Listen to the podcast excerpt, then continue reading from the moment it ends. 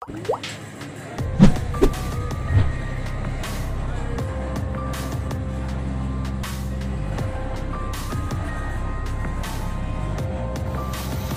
Yahudi di tanah Palestina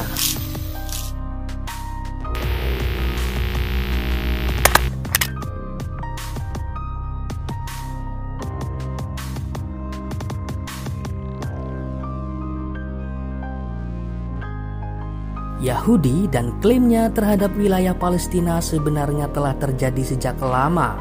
Setelah terusir oleh bangsa Persia, lalu kemudian Romawi dari Palestina, secara status mereka sudah tak berhak lagi atas tanah tersebut. Namun rupanya mereka mulai menggeliat kembali saat Perang Dunia I meletus. Saat itulah melalui agen-agennya, mereka berupaya mendapatkan kembali tanah yang telah lama menjadi milik umat Islam selama ribuan tahun itu.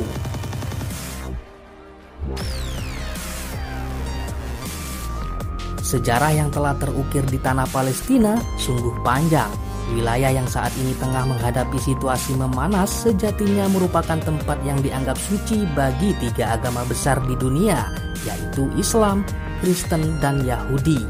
Bagi umat Islam sendiri, kota ini menjadi kota suci ketiga setelah Mekah dan Madinah. Di tempat inilah di mana Masjid Al-Aqsa yang sangat bersejarah itu berada. Masjid yang pernah menjadi persinggahan Nabi Muhammad pada saat Isra Mi'raj sebelum menuju Sidratul Muntaha untuk menerima perintah sholat lima waktu. Sementara itu, bagi bangsa Yahudi, wilayah Yerusalem itu merupakan tanah yang telah dijanjikan. Maka sejak ribuan tahun pula tak terhitung peperangan dan korban jiwa akibat dari perebutan kota ini.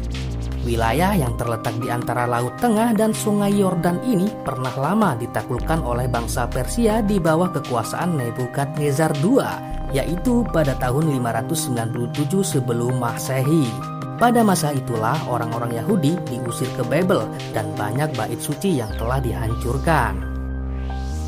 Sementara itu, pada masa kekuasaan Cyrus Agung yang berhasil menaklukkan Babel, orang-orang Yahudi akhirnya diizinkan kembali ke Yerusalem dan tempat-tempat suci mereka diizinkan untuk dibangun kembali. Pada tahun 63 Masehi, Yerusalem berada di bawah kekuasaan Romawi yang tentu saja membuat orang-orang Yahudi tidak senang. Hanya dalam waktu tiga tahun, meletuslah perang besar antara Yahudi melawan Romawi selama kurun waktu empat tahun. Pada akhir peperangan, Romawi berhasil menang. Orang-orang Yahudi yang tersisa setelah peristiwa besar itu akhirnya harus angkat kaki.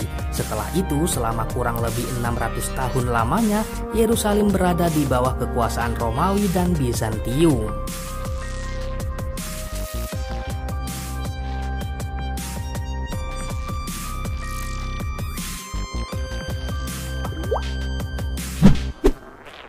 Pada tahun 637 Masehi, selama penaklukan Islam di wilayah Suriah, pasukan Muslim juga mulai mendekati wilayah Yerusalem di bawah kepemimpinan Khalid bin Walid dan Amr bin As. Pada saat itu, Yerusalem berada di bawah tanggung jawab seorang uskup yang merupakan kepala gereja di Yerusalem, sekaligus perwakilan Bizantium, yaitu Uskup Sopronius. Saat itu, semua wilayah Yerusalem sudah terkepung oleh pasukan Muslim namun Sopronius tetap menolak untuk menyerahkan Yerusalem, kecuali jika Khalifah Umar bin Khattab langsung datang padanya. Mendengar hal ini, Umar bin Khattab yang berada di Madinah langsung menuju Yerusalem. Setelah bertemu dengan Sopronius, kemudian diserahkanlah kunci Yerusalem itu kepada sang khalifah.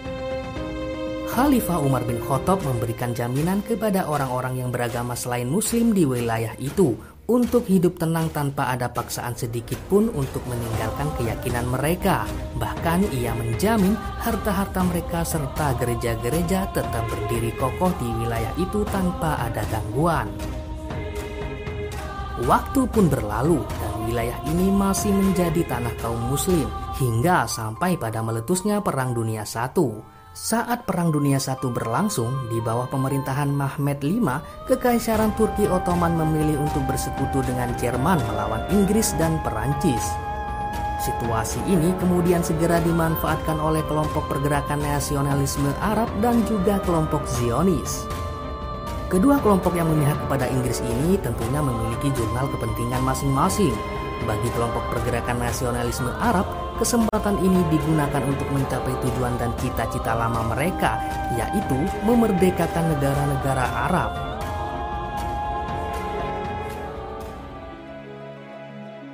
Hussein bin Ali, salah satu tokohnya melakukan koresponden dengan seorang komisioner Inggris di Mesir bernama Sir Henry McMahon.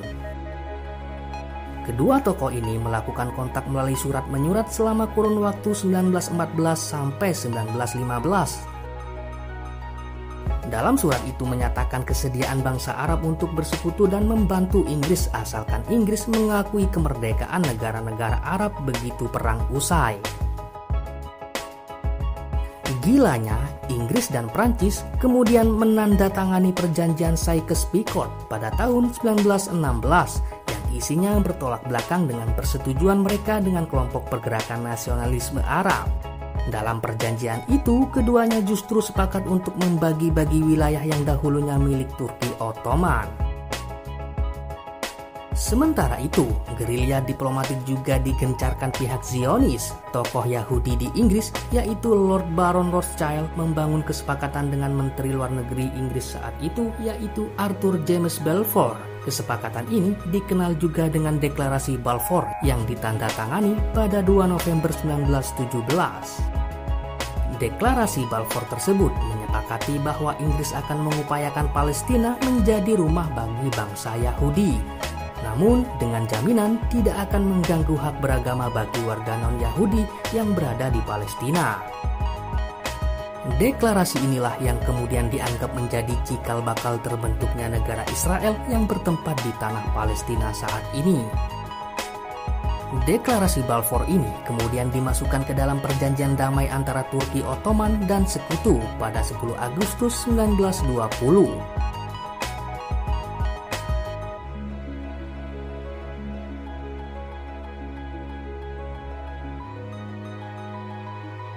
Pasca Perang Dunia Pertama, bagian yang paling memilukan adalah isi dari perjanjian damai ini adalah pembagian wilayah kekuasaan Turki Ottoman, di mana Prancis mendapatkan mandat wilayah Suriah dan Lebanon, sedangkan Inggris mendapatkan mandat wilayah Irak dan Palestina.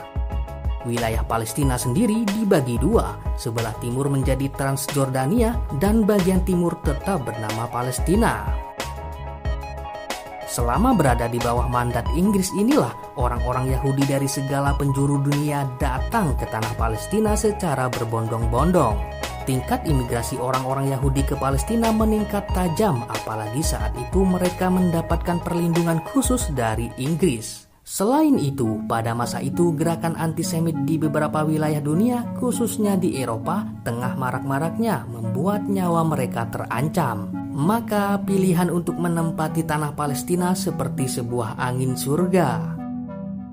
Di sepanjang tahun 1919 sampai 1926, sekitar 100.000 orang Yahudi tiba di Palestina dan mulai menggusur tanah-tanah milik warga Palestina yang telah lama menetap di sana. Mereka mencaplok tanah-tanah di sana sedikit demi sedikit hingga akhirnya mendirikan negara Israel di atas negara yang berdaulah. Ya, Israel adalah satu-satunya negara di dunia ini yang tidak memiliki wilayah. Hingga hari ini, Muslim di Palestina terus berusaha mempertahankan wilayah negaranya di antara gempuran-gempuran senjata tentara Israel.